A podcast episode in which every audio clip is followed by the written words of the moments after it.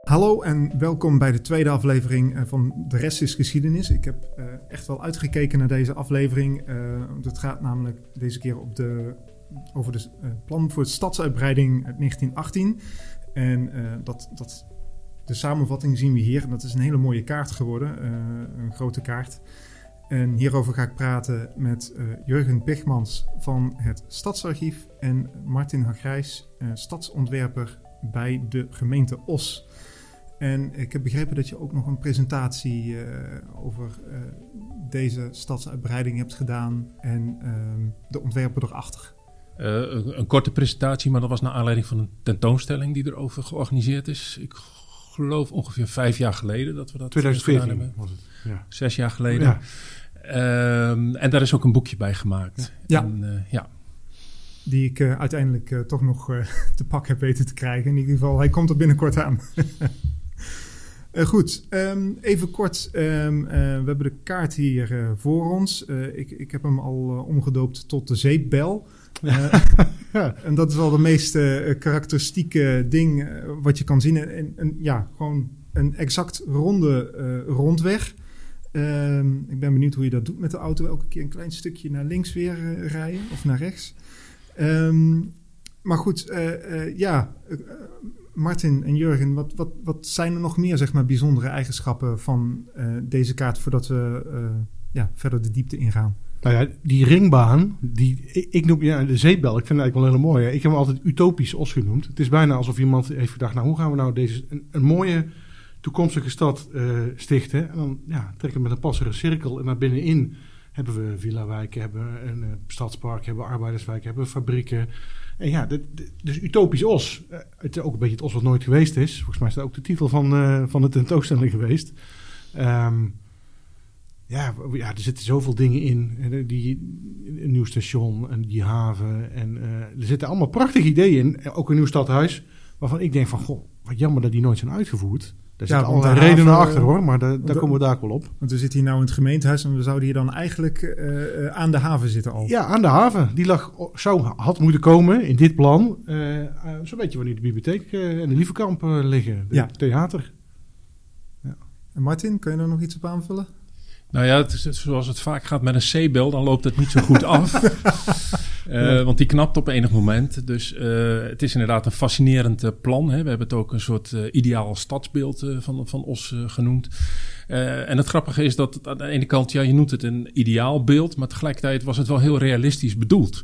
En als je ook goed naar de kaart kijkt, zie je ook dat er heel zorgvuldig en goed nagedacht is hoe je met, met alles wat er al was in Os, alle bestaande uh, wegen, alle bestaande gebouwen, uh, ja, hoe daar eigenlijk dat hele plan omheen uh, gebouwd is. En toch tot een soort ideaalbeeld is uh, kunnen komen. Dat is, dat is eigenlijk heel fascinerend. Hè? Want het is natuurlijk een plan wat uh, niet op zichzelf staat. Heel Nederland was in die tijd met uitbreidingsplannen bezig. Het was ook een soort verplichting in, in die tijd. Als je meer dan 10.000 inwoners. inwoners had ja. in het kader van de woningwet, moest je een uitbreidingsplan maken. Dus OS ging dat ook maken. Maar dat je dan net een architect treft die daar dan ook een soort ideaal plaatje van maakt, dat is wel heel fascinerend. En inderdaad, een van de meest opvallende dingen is die, die ringbaan.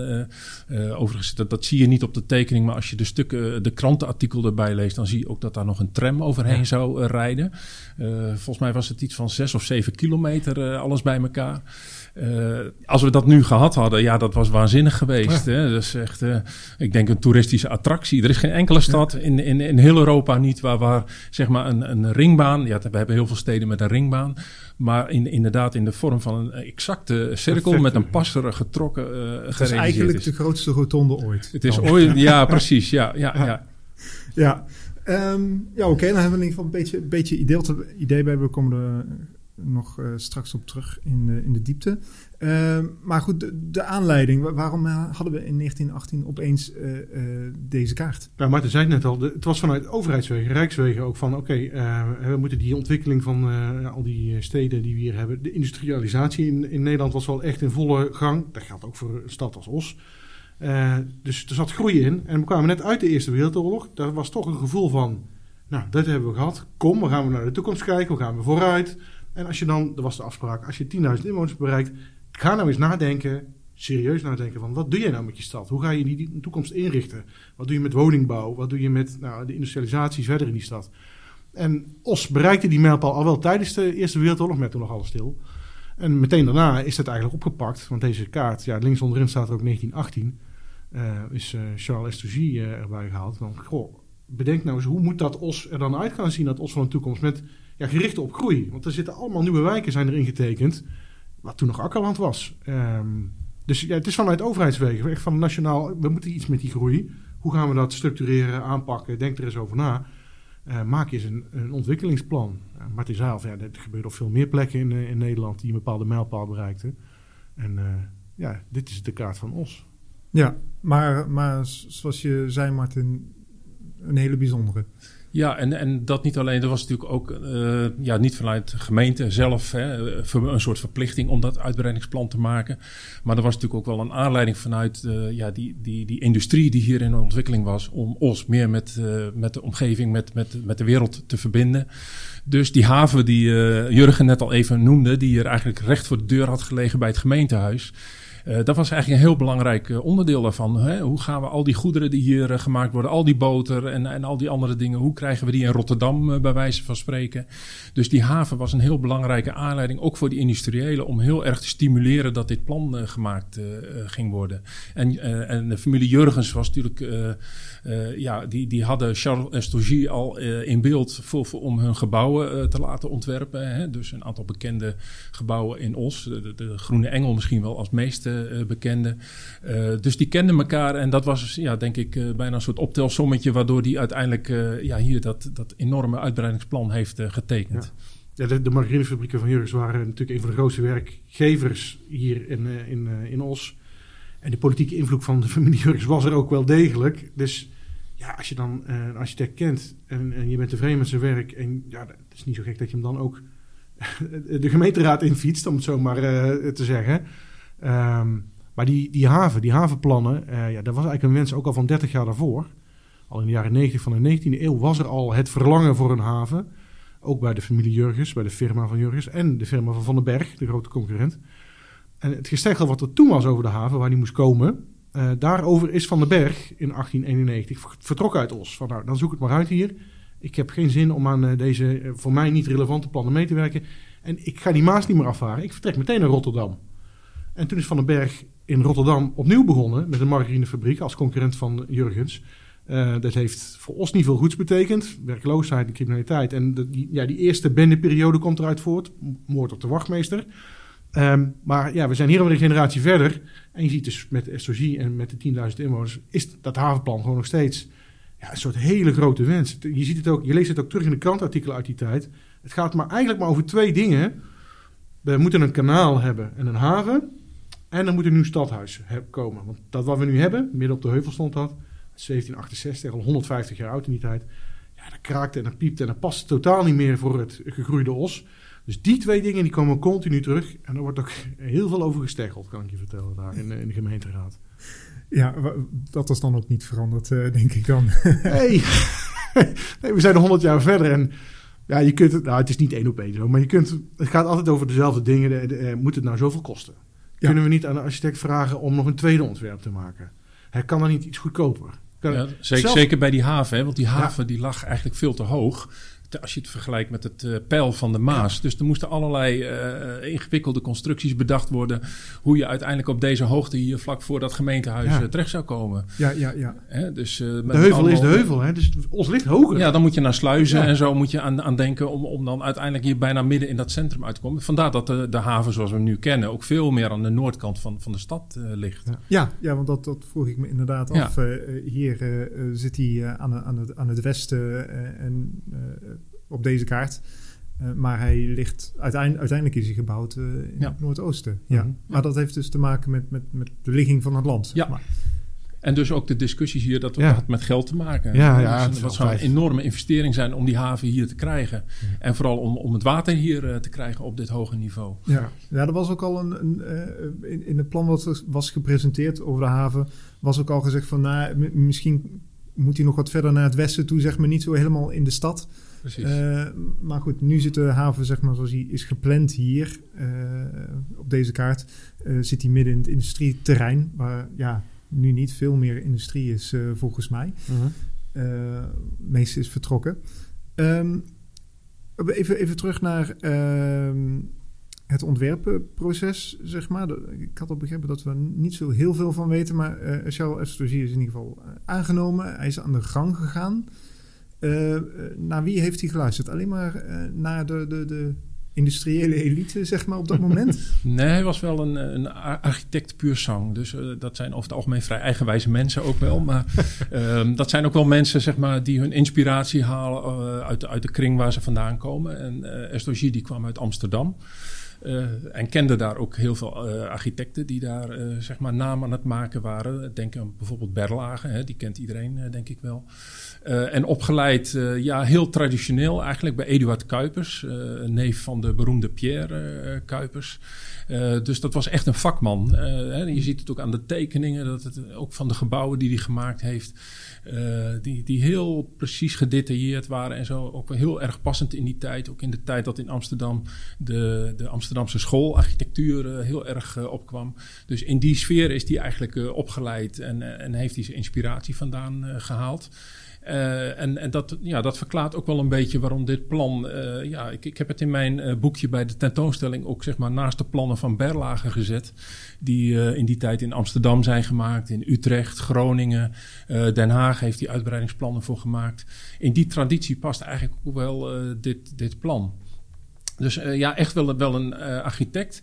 Uh, in, in dat opzicht is dit plan wel vrij uniek in zijn, zijn werk. Hè? Want voor de rest waren het toch vooral gebouwen wat hij ontworpen heeft.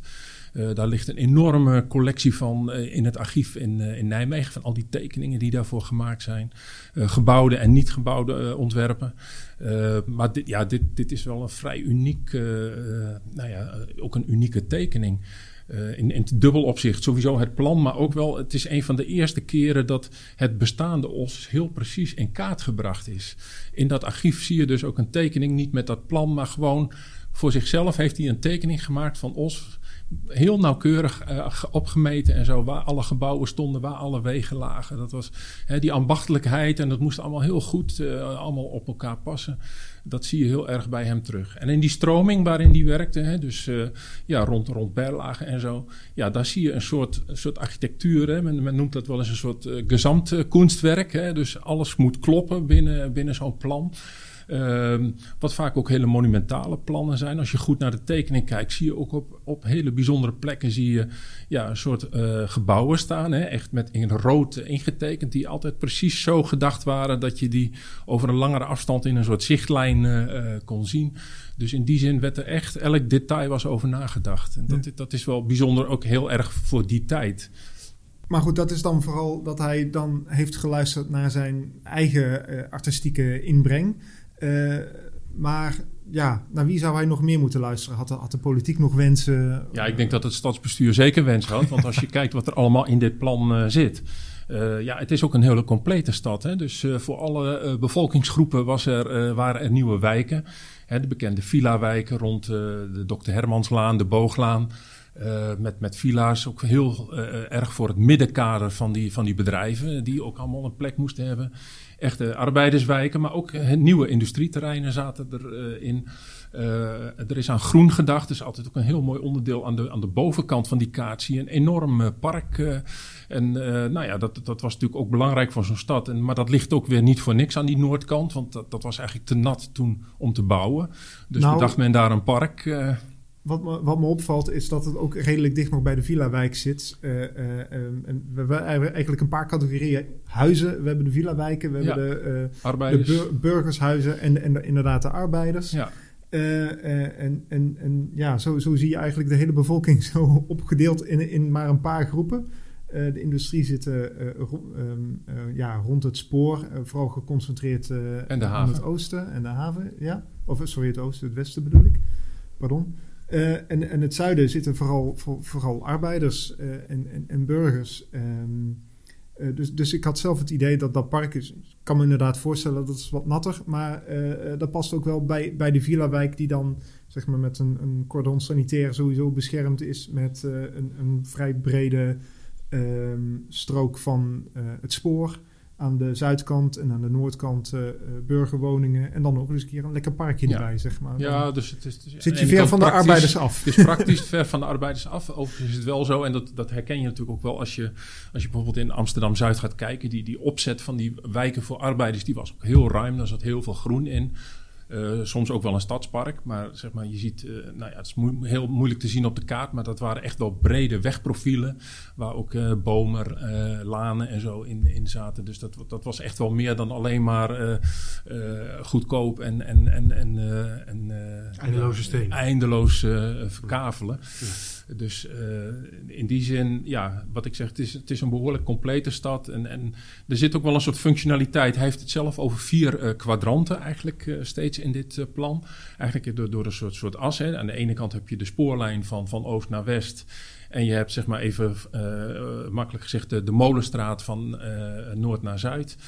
En eh, het eerste kwadrant is dan vooral rond die haven met veel industrie. Het tweede kwadrant is inderdaad meer eh, de, de villa-wijk en het park wat daar zit. En de twee onderste kwadranten, dat zijn dan meer de arbeiderswijken met, eh, tegen de industrie aan, die daar ook al voor een deel rond Zwanenberg en zo in ontwikkeling was. Ja. Dus het was ook al een stukje functionele stedenbouw, wat natuurlijk voor- vooral de jaren daarna allemaal tot stand kwam. Ehm, maar voor die tijd eh, ja, was dat al vrij, vrij opvallend dat dat zeg maar zo keurig allemaal ingedeeld was. Eh, ja. Ja, oké. En, en ehm, hoe is, nog keek even Jurgen aan, Ja. Ehm, eh, want je hebt er nog een beetje verdiept in, in hoe het is ontvangen in, in, Ja, in, in de gemeenteraad. Nou, er is echt wel een flinke discussie geweest. Nou, weet ik sowieso wel dat in die tijd, in de tijd van burgemeester Van der Elzen, die was in de jaren 10 en de jaren 20 eh, tot begin jaren 30, burgemeester van Os. ehm, die was heel erg een, een pleitbezorger voor eh, de heuvel als het oude centrum van Os. Dus dat moest ook de plek worden waar het nieuwe raadhuis, want SOG had ook een compleet nieuw raadhuis ontworpen. Ehm, echt wel veel, veel groter dan het raadhuis uit 1768. Want ja, Os was gegroeid en het raadhuis uit 1768 dat voldeed niet meer, dat was te klein. En het moest sowieso opgeknapt worden. Het stond er al anderhalve eeuw. Nou ja, uitbreidingsplan, wat gaan we dan doen? Ook een nieuw raadhuis erbij. En daar heeft hij ook hele mooie tekeningen voor gemaakt. Echt een prachtig ontwerp. Het doet mij altijd een beetje denken aan een soort klein broertje van eh, eh, het eh, stadhuis in Rotterdam. Klein beetje, met trapgeveltjes en een torentje. En ja, misschien is de uitvoering, zou het anders zijn. Maar de tekeningen zijn echt ja, monumentaal. Het is een monumentaal pand. De hand moeten komen op de hoek van Terwane en de Heuvel. Weet je waar nu de Wii zit en de, de cafés daarnaast. Ja. En dan nog verder de diepte in. Ehm, daar waren, daarvoor waren al een stuk of vijf, zes percelen uiteindelijk aangekocht. Ook in 1918 door de gemeenteraad. Daar was iedereen het mee eens. Maar toen kwamen de ontwerpen. En toen kwamen de, eh, vooral vanuit raadslid Cox de vragen van ja, moet dat nou allemaal zoveel kosten? Is dat nou nodig? En eh, ja, waarop burgemeester Van der Els een beetje getergd op een gegeven moment ook de vraag stelt van ja, voor wie bouwen we dit raadhuis nou? Voor ons of voor de toekomst?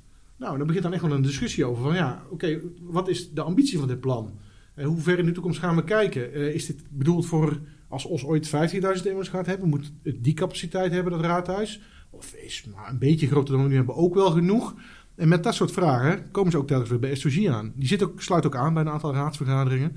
Houdt zich daar redelijk op de vlakte, want de verslaggever legt braaf vast wat iedereen zegt.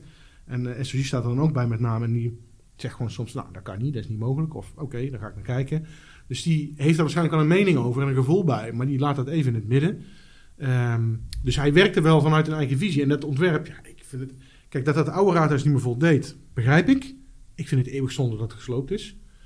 Maar het was in het idee van, er komt iets nieuws. En in dat nieuwe is het dus ook nooit gekomen. Want ehm Cox, daar hebben we weer de beste wel. Eh, dus het heen en weer gesteggel over, moet het nou zoveel kosten? Kun je niet wat gemakkelijker en kleiner ontwerpen? En op een gegeven moment werden de kosten geraamd voor nou, 350.000 gulden in die tijd. En dan zou nu, ik heb het een keer omgerekend, eh, dikke 2 miljoen euro zijn. Is dus ook niet, het is geen hele kleine investering. Net als nu met het, eh, het cultuurhuis, het uithuis, het Walplein, het Walkwartier. Ja, daar gaan ook heel veel geld in. Dus daar gaan mensen wel eens vragen over stellen. Dat is niet verkeerd. Maar Cox komt dan in één keer eh, als een soort, ja, voelt je uit een doosje. hey, weet je, eh, de zusters, de Franse zusters die nog een pensionaat hebben in de oude woon, woonhuis van Jurgens en van den Berg, Villa Johanna, die willen het wel verkopen. voor een prikkie. Want die willen weg uit Os. Ja, en dat, is echt een fractie van de investering eh, voor een heel compleet nieuw raadhuis op de heuvel. En Van der Elze, dus burgemeester, houdt nog een heel heftig pleidooi voor de heuvel als het centrum van, van Os. En hier is het begonnen en hier moet het nieuwe raadhuis komen. En die villa staat helemaal aan de rand van de stad. Wat ook waar is, hè, daar kwam je eigenlijk al de Lievekamp en zo, was allemaal onbebouwd terrein. En langs die molenstraat stonden wel wat, eh, wat voorname gebouwen. Maar daarbuiten was het allemaal akkerland. En daar wil je dan het nieuwe raadhuis gaan situeren in een woonhuis, nota bene. Dus het moet verbouwd worden. Maar er wordt gewoon gestemd, een democratisch besluit. En de meerderheid kiest toch uiteindelijk voor verhuizen naar de villa van de zusters. En uh, ja, die prachtige plannen voor het nieuwe raadhuis van SSG, die zelfs nog aanpassingen daarin heeft gedaan en een soort afgeslakte versie verzint, ja, die, zijn, die, die blijven dus altijd utopisch. En, ja, Ja. Dat gaat ook voor het nieuwe station trouwens. Uh, want die booglaan, die, die, die rare knik daar, dat- dat is niet Ja, omdat ja we, we, we hebben inderdaad, het, het, het staat op de kaart. Ja. Eh, Zowel de, de, de oude eh, station als eh, een toekomstig nieuwe is, is getekend. Eh, eh, ja, iets, iets verder naar eh, het, het oosten toe. Eh, ja, ga verder. Nou ja, Martin kan er ook iets mooi, heel moois over vertellen. Over ja, het nieuwe station. even over, over, dat, over dat raadhuis. De- Ja. Dat, eh, Jurgen zegt inderdaad, het is een mooie tekening. Eén een soort eh, pentekening, die, kent, eh, heel veel, die kennen heel veel mensen. Hè, die, die zie je heel vaak. Maar dat was inmiddels een pak papier van, eh, nou ja, ik, ik denk ze, wel 20 centimeter. Van tekeningen die hij allemaal heeft uitgewerkt. Dus dat plan was tot in detail helemaal uitgewerkt. Dat lag gewoon klaar om gebouwd te worden. Eh, maar ja, inderdaad met het gesteggel daarover van eh, hebben we het geld ervoor over. Mhm. En uiteindelijk een pragmatische keuze om maar in een bestaande villa eh, te gaan zitten. Ja. Dus, maar het is, ja, die tekeningen zijn fascinerend om te zien. Het is overigens wel grappig dat, ehm, ja, dat is nooit gebouwd. Maar wat ook nooit gebouwd is, we gaan zo naar het station. Maar wat ook nooit gebouwd is, dat is een plan dat hij gemaakt heeft voor het huidige Titus Brandsma Lyceum. Daar, daar stond een bekende villa. eh, Jurgen weet de, de naam. Villa Josina. Josina. Villa Josina. Eh, zeg maar een beetje het begin van, van, van het eh, middelbaar beroepsonderwijs in, in Os. En daaromheen zou een heel schoolcomplex gebouwd worden. En daar is een soort, nou ja, een soort, ik weet niet of het een prijsvraag was, maar in ieder geval, hij heeft daar een, een heel uitgebreid ontwerp voor gemaakt. Wat nou ja, door je oogharen heen nog wel een beetje lijkt op datgene wat uiteindelijk eh, gebouwd is. Maar veel monumentaler en, en groter eigenlijk. eh, ook, ook weer in de Amsterdamse stijl. ja, ik. zeker. Ja, en ook weer heel ver uitgewerkt. Dus al die tekeningen die liggen in Nijmegen in dat archief. Stapels eh, tekeningen. Soms denk ik ook wel heel frustrerend voor een architect. Dat, dat als je gewoon jaren met zo'n plan bezig bent. En dan uiteindelijk gaan al die tekeningen een archief in. En er gebeurt gewoon nooit meer iets mee. En, dus ja, dat even als aanvulling op, op eh, het stadhuis en de link even naar het TBL. Het station is wel een interessante. Het station. eh, ehm, ja, ik, ik zei al, er zijn, zijn voorstudies geweest voor dit plan in, twee, in eh, 1917 met name. Eh, ook door Charles Estougy eh, gemaakt. En daar zie je het station ook nog eens een keer op een andere plek liggen. Zeg maar bijna op de plek van, van het gemeentehuis eh, nu. Oh, dus aan, echt aan de andere ja, kant aan, weer de- aan deze kant van, van, station. eh, van Ja. de overgang met, met, eh, met de Molenstraat. Ehm, ehm, had ook te maken met, met nou ja, dat hij dan direct verbonden was met, met het stadscentrum, maar ook wel de omgeving met, met al die industrie. Dat was toch wel praktisch. Daar kon je rangeren met je treinen en dergelijke. Maar uiteindelijk heeft hij in dit plan bedacht om dat station een stukje naar het oosten op te schuiven. Inderdaad, ja, met een enorm prachtig, ook weer rond eh, voorplein. Eh, dus de booglaan die ontleent ook daar zijn naam eigenlijk aan. Terwijl die, eh, ja, dat station is er nooit gekomen. En op enig moment heeft men bedacht, nou dan gaan we dat, dat, dat rondje gaan we ook maar volbouwen. Dus daar staan nu drie of vier drie, ja. Drie, drie villa's eh, zijn daar ingebouwd. Maar dat was eigenlijk bedoeld als voorplein vanaf het station.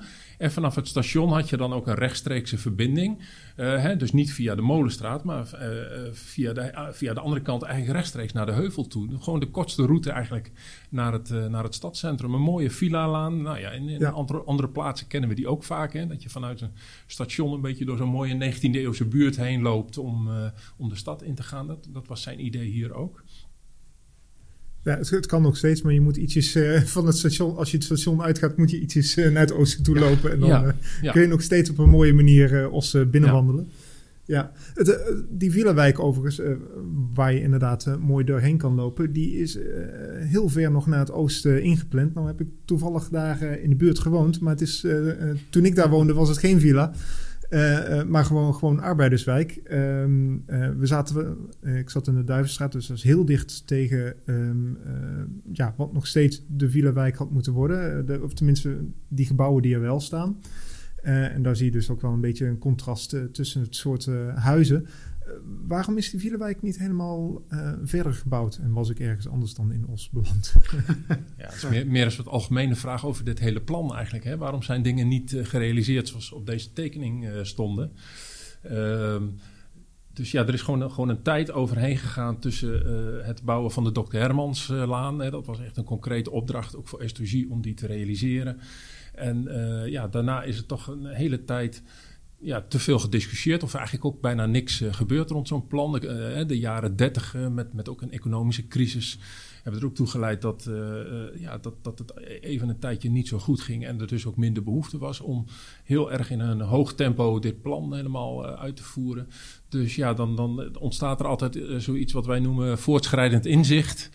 Hè, maar er zitten wel onderdelen in die bijvoorbeeld, eh, nou misschien niet helemaal letterlijk, maar de Kortvoort, hè, daar, daar heeft hij overigens ook als architect nog een, eh, een flinke woonbuurt gerealiseerd, die er helaas eh, niet meer is. Maar ja, die zie je eigenlijk nog redelijk letterlijk hier op die kaart aan de, aan de zuidkant van het spoor staan. Het hele stratenpatroon rond die Villa-wijk, dat is er min of meer wel. Maar ja, de invulling is toch echt heel anders geworden. Andere behoeften ook en ja, andere tijd. ja, er zijn ook dingen die wel zijn gebouwd, gelukkig. Ja, de Dr. Hermanslaan natuurlijk als belangrijkste voorbeeld. Gemeentelijk monumenten ook. Hè? Dus eh, erg eh, geliefde eh, buurt. Ehm, en hij heeft natuurlijk voor Jurgens eh, het, het complex gebouwd bij, bij de Grote Kerk, tegenover de Grote Kerk. Eh, ook een complex wat helaas gesloopt is, maar dat heeft daar wel gestaan. Heel Het in, markant. industrie, met een industriecomplex, ja. En daar hoorde zeg maar, het, gebouw, het kantoorgebouw ook bij, wat wij nu kennen als eh, de Groene Engel. Ehm, dat is ook van zijn hand. Het is overigens wel interessant. dat- Het is wel leuk om de oude foto's eh, van, van het begin van de, wat wij nu de Groene Engel noemen eh, te kijken. En, en hoe het er nu uitziet. Dat is namelijk vrij drastisch nog verbouwd. Ja. De hele ingangspartij was anders. Er zat een soort tongewelf op. Dus een, een rond dak zat er eh, op. En dat is allemaal aangepast later. Maar dat is wel echt een gebouw van zijn hand. ja. Ja. En, en het vierhoekje is ook gebouwd. Dat zie je overigens hier heel mooi. eh, en dat heeft hij waarschijnlijk wel bewust gedaan. Heel gedetailleerd ingetekend. Ja, het, dus, is eh, heel duidelijk Het te zien. vierhoekje wat, wat een driehoekige Ja. vorm heeft. Dat blijft altijd Ja. een beetje een merkwaardigheid in, in, die, in die tekening. Maar ja, ook dat heeft de stadsvernieuwing helaas niet overleefd. Hè. Dus op een bepaald moment waren die woningen te verouderd. En heeft men daar nieuwe woningen neergezet. Wel in diezelfde contouren, maar ja, hij, hij maakte heel veel van dit soort eh, volkswoningcomplexen. Wat heel grappig is, dat het niet alleen maar woningen waren, maar er zat ook altijd, dat was ook nieuw, hè, een watertorentje bij. Eh, bij elk complex had zijn eigen watertorentje. Ja, De Kortvoort, hè, of de, eh, de- sorry, de Dr. Hermanslaan, die had een eigen watertoren Ja. inderdaad, Villa Park. En dat, Ja. dat geldt ook voor het vierhoekje, had ook Ja. een eigen watertoren. ja. En die had ook helemaal ontworpen. Er zijn ook weer prachtige tekeningen van. Ah, dus dat zijn die cirkels die op de kaart staan. Ja. Allemaal aparte Ja. eh, eh, ja, watertorens. Maar wat dan wel heel karakteristiek is, eh, zeg maar, dat, dat dit plan eh, meer ook nog dan andere plannen eh, door, die, door die rondweg een soort absolute scheiding is bijna van stad en, en buitengebied. Dat zie je bijna nooit. Hè. De oude stad was dat sowieso niet. Hè. Dat liep zo geleidelijk in elkaar over. Had je die uitvalswegen en zo. Maar dit was ook een soort absolute scheiding tussen alles wat, wat er om ons heen was. Aan agrarisch gebied, aan natuurgebied. En de stad was, zat helemaal eh, ingekaderd eigenlijk in die, in die cirkel. Dat is eigenlijk wel vrij uniek. eh. Ja. Eh, eh, Cheryl zelf, eh, ehm, eh, hoe is die? eh, eh, ja, het is via via eh, is hij eh, ehm, aan deze opdracht gekomen. Hij heeft ook heel veel in, in Nijmegen gemaakt, hè? Ja. Ja, ja, Martin zei het al, hij kwam uit Amsterdam. Maar er is een connectie met de familie Jurgens, hè, de, die tegen deze tijd echt al stinkend rijk was van de margarine. Ehm, en eh, het is vooral Frans Jurgens die, eh, die hem, eh, volgens mij, ja, het meeste contact met hem heeft gehad. Of hem echt de meeste opdracht heeft toegespeeld. De eerste opdracht die, die SOG ook had, of het ja, überhaupt zijn eerste opdracht was misschien wel, want hij was eind jaren, eind 20, geloof ik, 28 was hij. 1912 is dat fabriekscomplex van de nieuwe marinefabriek. Ehm, dus die echt, het is echt een monumentale gevel geweest, pal tegenover de grote kerk. Die is dus helaas gesloten, zoals Martin al zei. Eh, maar de Groene Engel staat er gelukkig nog wel. En alles daartussenin was allemaal fabriek. En de ontwerpen, waar veel meer uh, ja, voor detail en ornamenten in zaten dan er nu nog zichtbaar is aan de Groene Engel. Dat is allemaal van SOG geweest. En dat was een beetje zijn eerste opdracht. In hetzelfde jaar is hij volgens mij voor Frans Jurgens ook een nieuw buitenverblijf, een buitenhuis in Nijmegen gaan ontwerpen. Huis Heijendaal. Want Frans uh, hield wel van jagen, en nog een heel groot terrein. En dat ja, kasteeltje eigenlijk is nu een is, ja, heel markant uh, herkenningspunt van het hele universiteitsterrein. En dat is 1912, dus we zitten ook voor de Eerste Wereldoorlog, voor nog dat Os 10.000 inwoners had en voordat er dus de wens was voor een uitbreidingsplan. Maar ja, dat is wel de aanleiding geweest van, hé, hey, die SOC, daar kunnen we wel iets mee. Dus hij had al best wel ja, zijn, uh, zijn sporen verdiend, min of meer. Zeker binnen de familie Jurgens, maar ook wel binnen Os. Um, dus ja, hij was wel de, de, de aangewezen kandidaat, denk ik, om, uh, om dit voor elkaar te krijgen. Of in ieder geval om dit plan te maken. Want ja, dat is maar een fractie van uitgevoerd, jammer genoeg. Ja, ja wat, wat, wat um, is, is dat wat we kunnen leren van um, deze stadsuitbreiding? Dat je eigenlijk niet zoveel de toekomst in kan kijken? Uh, nou ja, kijk, als je, als je zeg maar de, de, de hoofdelementen die erin zitten, ja, die zijn op een hele andere manier uiteindelijk allemaal toch wel in Os gerealiseerd. Hè, uh, wat hier die prachtige ringweg is, ja, dat, dat we hebben een, de singles. Uh, en die zijn zo vierkant als, als wat uh, rond ja. Maar dat is natuurlijk wel, ook na uh, Estogie is er eindeloos doorgestudeerd hoe er een soort rondweg om Os moest komen. En die, werd, en die werd steeds minder rond, die werd steeds meer pragmatisch, afhankelijk van waar je wel of niet een weg kon aanleggen. En uiteindelijk zijn dat de singles geworden zoals we die nu kennen. Hetzelfde geldt natuurlijk voor de haven. Dus heel veel studies van waar, kunnen, waar kan die haven uiteindelijk uh, terechtkomen. Uiteindelijk is die op een veel uh, praktischer punt, ook hè, qua hoogtes en zo, uh, aan, aan de noordoostkant van Os terechtgekomen zoals we ze nu kennen. dus dat, dat zijn allemaal wel elementen. Een stadhuis, nou ja, uiteindelijk ja, waar, wij, waar wij nu deze opname maken in het stadhuis ja, dat, dat is ook uiteindelijk de, de, de schaalvergroting die er eigenlijk toch uh, ergens een keer moest gaan uh, plaatsvinden. Nou, die heeft dan na de oorlog uh, plaatsgevonden. dus er zitten toch wel degelijk elementen in. bij, bij het boekje, dat, ja, ik vind dat, blijf dat zelf toch wel grappig vinden, heb ik een soort laatste hoofdstukje geschreven. Over ja, wat zouden, wa, hoe zouden we nou die stad beleven als dit wel allemaal gewoon gerealiseerd was. Hè? Dus, ja. en, en daar heb ik ook gezegd, ja, die, die ringweg die, die is zo uniek daar hadden we waarschijnlijk een, een historisch trammetje over laten rijden. En dat was gewoon een toeristische attractie uh, geweest. Weet je zoals San Francisco? Weet je die ja, ja, ja, gevoel. ja. Rond zonder heuvels. Ja, zonder heuvels, maar perfect cirkelvorming. Ja. Gewoon de hele stad rond. Dus we hadden tegelijkertijd een fantastisch openbaar vervoermiddel gehad. Wat, ja. wat, wat al die wijken uh, zou verbinden. Want dat was natuurlijk ook het idee van een ringweg. Dat was niet alleen maar een mooie cirkel. Maar dat was natuurlijk ook de manier om al die nieuwe woonwijken die hij bedacht had uh, met elkaar te verbinden. Dus dat, dat is vrij uniek. En, en als je, ja, we, zeiden net al, we zitten eigenlijk op de plek waar de haven lag. Als, als dat inderdaad de haven was geworden met, met allemaal industriële gebouwen. En dan in deze tijd was dat waarschijnlijk het uitgaansgebied van Os uh, geweest. Met cafés en uh, restaurants en uh, een mooi plekje aan het water midden in de stad eigenlijk. Ja. En ja, als laatste misschien dat, dat inderdaad dat stadhuis op de heuvel. Nou, dat was waarschijnlijk een gigantische horecatent geworden, maar wel een rijksmonument. ja. Hè, dus ja, als je, als je zo denkt en, en die kaart ziet en je fantaseert een beetje van god, hoe zou dat er nu? Hè, want we zijn 102 jaar verder dan dit plan getekend is ja, dat is toch wel heel interessant. Van, uh, hoe, hoe zou dat nu beleefd worden? Wat zouden we daar nu mee gedaan hebben? En, uh, en ook wel de vraag natuurlijk, hoe zou de stad verder zijn gegroeid als dit er al als basis had gelegen? Uh-huh. Ja. Ja, want uiteindelijk, ja, het, het, verbaast me elke keer hoe, hoe massaal zeg maar, steden in, in, in de laatste honderd jaar zeg maar, zijn gegroeid. Want als we dit, deze kaart nou op de huidige kaart zouden leggen, dan om die zeebel heen zouden nog allemaal ja. andere gebouwen staan.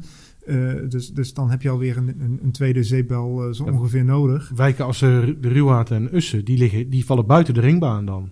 Op zich is het helemaal niet zo erg. Maar de huidige singles, daar klopt het dan nog redelijk Ja, dat klopt mee. wel mee. Ja. He, als je aan de noordkant kijkt, de Hertogensingel en zo, maar ook aan de westkant, zeg maar net langs Schadewijk. Ja, en ook, of aan de oostkant en, en aan de westkant klopt die eigenlijk ook vrij precies. De Salves-Zwanenberg-singel. Uh, aan de zuidkant. Dus uh, hij is wel rond en hij is vierkant geworden, maar de, de, de plek klopt nog min of meer wel een beetje met wat hij ooit bedacht heeft. Ja, ja. Het idee erachter is inderdaad, uh, blijkt ja, zeer goed te zijn geweest. Alleen dit is wat Martin ook al zei, dit is een, een, een totaalwerk, hè, een gezamtkunstwerk. Ja. Het dag was wel heel erg prachtig en sterk geweest. Als je dat in één keer, of in één keer in een decennium of wat had uitgevoerd, dan had je een soort echt een uniform gevoel van hier, snap je, hier heeft iemand echt over nagedacht. En vaak halen plannen zichzelf weer in, worden overbodig. En komt er twintig jaar later, een generatie later, weer een ander plan wat elementen overneemt, maar ook weer andere toevoegt. En stukje bij beetje groeit een stad zo. Dat is natuurlijk ook misschien een meer natuurlijke manier om steden te zien groeien. Uh, zeker in Europa. Maar ja, het had wel heel mooi. Maar dat, het grappige is natuurlijk, want ik zei al, hij is, hij is ook uit die tijd van Berlage en zo. Dat waren natuurlijk mensen die heel precies ook over de hele architectuur van alles wat hier op die tekening staat, over alles wat er gebouwd zou worden, een heel uitgesproken beeld eh, bij hadden. Hè? Dus dat, daar horen ook heel gedetailleerde tekeningen bij. Zeker die, die hè, plant Zuid van Berlage is natuurlijk heel bekend. En ja, dat is, dat is zo bijzonder dat je alles, hè, het gezamtkunstwerk, dat je alles bij elkaar bedacht hebt en tot in detail hebt uitgewerkt. Uh, alle architecten die daaraan zouden werken staan dan onder een supervisie van zo'n architect als Estogie of Berlage. Hè, dat dat daardoor ook een enorme samenhang krijgt eigenlijk en, en een uh, ja, vrij unieke beleving. Uh. Op dat niveau worden plannen tegenwoordig toch niet meer gemaakt voor een uh, stadsuitbreiding? Nee, wel op, op buurtniveau ja, zeg precies, maar. maar. Dus een, een, wijkje met een bepaald thema, dat zie je natuurlijk wel. En dat, dat een architect daar dan zeg maar ook nog weer een soort supervisie over voert, dat het ook allemaal in dat beeld past. Maar voor een hele stad, dat, ja. dat, is, ja, dat, dat gebeurt niet. En dat is ook nooit gebeurd. Nee. En, en, en komt dat omdat steden niet meer zo hard groeien? Of heeft dat meer te maken met dat, dat als je kleinere stukken uh, um, gaat ontwerpen, dat je dan meer grip hebt op de situatie? Nou ja, wij hechten steeds meer, denk ik, ook wel aan diversiteit. Hè? Dus uh, uh, ja, niet iedereen vindt alles even mooi en even handig en, en, slim bedacht. Dus uh, ja, je ziet dat, dat we veel meer in doelgroepen uh, denken. Dat was in die tijd natuurlijk, er waren, waren drie doelgroepen. En dat waren de arbeiders, het middenkader en, en, dat, en degene die daarboven zaten. En nu is het veel diverser. En zeg maar, dat betekent ook dat je ja, wat je nu ontwerpt, dat dat zeg maar, veel meer inspeelt op al die, die doelgroepen die er uh, zijn. Dat, dat, levert een veel diverser uh, beeld ook uiteindelijk op. Ja. En met uitzondering natuurlijk van, uh, van uh, Flevoland, hè, waar Lelystad en dat soort plaatsen ja. echt bedacht zijn in Nederland. Ja, het zijn vaak ook oude steden. Hè. Os is een middeleeuwse stad. Je wonen al honderden, honderden, meer dan duizend jaar mensen. Dat zie je ook aan die oude, wat bruinige gebouwen en uitvalswegen. Dat was gewoon, het is heel natuurlijk gegroeid. Soms een kronkelweggetje, soms wel recht, dan weer niet. En dan wordt dan een nieuwe stad overheen bedacht. Dat wil meestal niet zeggen dat je de oude stad meteen helemaal weggooit. Ja. Maar als je een compleet nieuwe stad zou bedenken. Nou, ik vind Brasilia bijvoorbeeld, in Brazilië, nieuwe hoofdstad. Ik weet niet hoe de architect heet. Die is ook meer, dan, niet mee, ja, meer dan 100 jaar oud geworden. Ja. Daar heb je de hoofdgebouwen. Die zijn volgens mij allemaal van zijn hand. Van zijn hand. Beetje zoals hier. Het raadhuis en het nieuwe station. En de, de, de HBS, de hogeschool. Waren dan allemaal van SUG geweest. Dus dan heb je wel het idee. Oh ja, hier is één meneer. In dit geval een meneer. Geweest. Die heeft dit beeld bedacht voor onze nieuwe stad. En dan, wat, ja, dan, dan werd hij ook echt meer, zou die meer herdacht worden dan dat dat, dat nu het geval is. Os zeker. Ja. maar ook voor de herkenbaarheid van het Osse uh, straatbeeld en stadsbeeld was dat denk ik, ja, wel, ik denk wel een pre geweest. Ik, ja, die ontwerpen van hem hebben wel een bepaalde zeggingskracht. Dus niet de eerste de beste van ja, oké, zijn ook iets en dan, nou, dan gaan we dan maar niet bouwen. Je ziet het ook hoe zorgvuldig we eigenlijk met bijvoorbeeld zo'n Dr. Hermanslaan omgaan. Ja. Weet je, elke verandering of zo, die geeft meteen uh, discussie en het is allemaal beschermd. Maar je moet daar vooral ook geen gekke dingen willen doen. Geen gekke dingen op je dak bouwen of een gekke aanbouw bedenken. Ja. En mensen koesteren en de mensen die er wonen doen dat ook. Hè, maken ook hun eigen boekjes ja. uh, over de Dr. Herman. Dus ook, het leeft ook een soort trots op. Hè, dat je onderdeel bent van, van iets wat toch wel echt uh, met, met zorg en liefde ontworpen is. Want die huizen, uh, ook de huizen zelf zijn ja. zeg maar door me ontworpen. Niet alleen van deze straat. Nee, nee, nee. Maar, de huizen uh, tot ja, in het ja. detail. Hè. Er zitten prachtige details in met, met ronde ramen en, en, en, en bijzondere kozijnen ja, het is bijna een feest om daar eens eh, doorheen ja. te lopen met, met, met, echt met de ogen om naar al die details te kijken. Ja, ja. ja, ja. ik, ik ken de straat, ik ben er wel eens nu en dan doorheen gekomen. Het is nou, dan, plezier om naar te kijken. Precies, en dan moet je je voorstellen dat je dus een station zou hebben, wat ook, en dan dus nog monumentaler, een aan daggevoel voor doet. Dat je een stadhuis hebt midden op de heuvel. Wat, natuurlijk, van Els had 100% gelijk, dat is de plek waar ons is begonnen. In die stijl, dat je die fabrieksgebouwen die hij heeft ontworpen, ja, op de Groene Engel, dat je die ook nog had gehad. Ja, dan heb je volgens mij echt wel meer. Ja, dan, Os, had dan, Os had daar heel veel mee kunnen winnen. Um, zeker met die ringbaan ook. Dat was ook prachtig geweest. ja. Maar goed, dat maakt dit verhaal ook zo mooi. Het utopische Os of de zeepbel, zoals jij hem noemt. Ja, het, het, het, had kunnen zijn, maar het is door de tijd ingehaald. Dat ja. is natuurlijk ook heel mooi aan de geschiedenis. Hoe, hoe uh, weten we hoe uh, Estorzi daar zelf over dacht? Nee, dat weet ik niet. Nee. nee. De, ik, ik weet ook niet hoeveel. Hij heeft volgens mij geen memoires geschreven. Of hij is ook niet heel oud geworden. Hè? Hij was nee. natuurlijk al vrij jong toen hij dit maakte. In de 30 was hij. Uh, ja. En volgens mij is die ook niet... eh, ja, In de 60 is hij geworden. Ja, ja. Ja. Ja, want het is natuurlijk altijd frustrerend als je heel veel tijd in iets steekt Ja. en, en, en het, het komt niet van de grond, zeg maar. Of in ieder geval niet alles. Nou, in Nijmegen is er veel meer eh, wat dat betreft van de grond gekomen. Eh, Gebouwen. Ja, ja. Ja. gebouwen inderdaad. Maar zo'n totaalvisie. Ja. Ik denk dat, dat als jonge architect, want hij was toen eh, dus 1918, hij was van 84, hij was hier 34, kreeg je deze opdracht. Ga maar los. Ja. En je mag een nieuw stadhuis ontwerpen en een nieuw eh, eh, station en een nieuw huis. Nou, dat is prachtig. Ja, dat, ik weet niet of het frustrerend voor hem... Ik kan me ha- niet anders voorstellen dat het toch een beetje frustrerend voor hem is geweest... dat hij dan weer in de Osse gemeenteraad kwam. En ze dan weer aan hem gingen vragen... Goh, kun je ook niet nog een iets voordeliger ontwerp maken? Doet hij dan ook? De- ze hebben het zelf zo bond gemaakt. Op een gegeven moment ging Cox twijfelen aan... waarom moet er nou allemaal zoveel kosten aan die ontwerpen van jou? Want we moeten nu ondertussen al 5000 gulden aan jou betalen voor al die ontwerpen. Ja, jullie vragen mij toch de hele tijd om nieuwe ontwerpen. Ja, ik, vond het echt, ik vind het een schoffering voor, eh, voor de, de architect. Maar goed, hij heeft het allemaal gedaan. Uiteindelijk is er niet veel van uitgevoerd. In Nijmegen heeft hij wel meer gebouwen, maar dan ja, zo'n totaalvisie heeft Ja. hij in Nijmegen nooit mogen uitvoeren. Maar het Bisschop Hamerhuis, ik heb in Nijmegen gestudeerd, heb ik altijd een heel markant gebouw gevonden. Ja, eh, Stedelijk Gymnasium, ehm, nog wel een aantal gebouwen die gelukkig in Nijmegen meestal ook nog wel staan. Daar is min, veel minder afgebroken. Ja, dat, daar heeft hij nog wel een beetje zijn eer uit kunnen halen. Hij is ook in, in, eh, Nijmegen overleden, geloof ik. Hij ligt op begraven op de Heilige Landstichting, begraafplaats. Dus het is misschien wel meer een Nijmeegse architect dan een Osse architect. De Jurgens, familie Jurgens is ook al vrij, op een gegeven moment toen ze echt geld begonnen te krijgen, weggegaan uit Os. Eh, en in Nijmegen gaan wonen. Heeft daar ook dure, dure huizen laten bouwen. Ook vaak ontworpen door hem. Maar dit is zijn grote, zijn, dit is zijn Osse meesterwerk. Heb, hebben jullie nog iets... eh, ik, ik, ik heb verder geen vragen meer. Ik ben, ben helemaal eh, tevreden. Hebben, hebben jullie nog aanvullingen?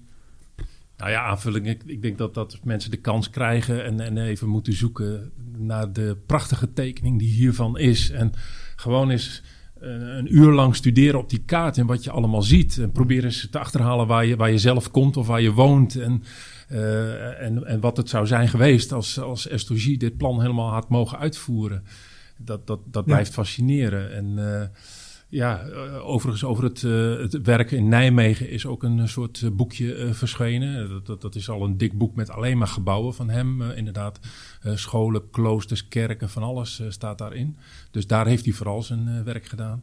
Maar voor ons is dit, eh, ja, is dit wel heel bijzonder. En eh, ja, ik, ik denk ook dat eh, ja, we- wij kijken zonder dat, dat mensen die dit luisteren meekijken. Maar wij kijken de hele tijd gefascineerd met z'n drieën naar die kaart. Dat is, Ja, ja, ja.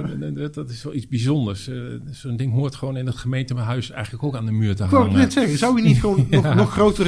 want hij is heel scherp, hij is heel gedetailleerd. Je kunt hem echt wel meters precies. bij meters afdrukken. Ergens in de centrale hal van het gemeentehuis... waar ook mensen hun paspoort komen ophangen. Ja. Zo, met een kleine toelichting ophangen. Van hè, 100 jaar geleden was dit het idee voor het nieuwe Os. Ja, goed idee. Ja, in de tussentijd eh, hangt hij in mijn woonkamer. Daar heb ik ook veel plezier van. En als corona voorbij is, hopelijk ook bezoekers.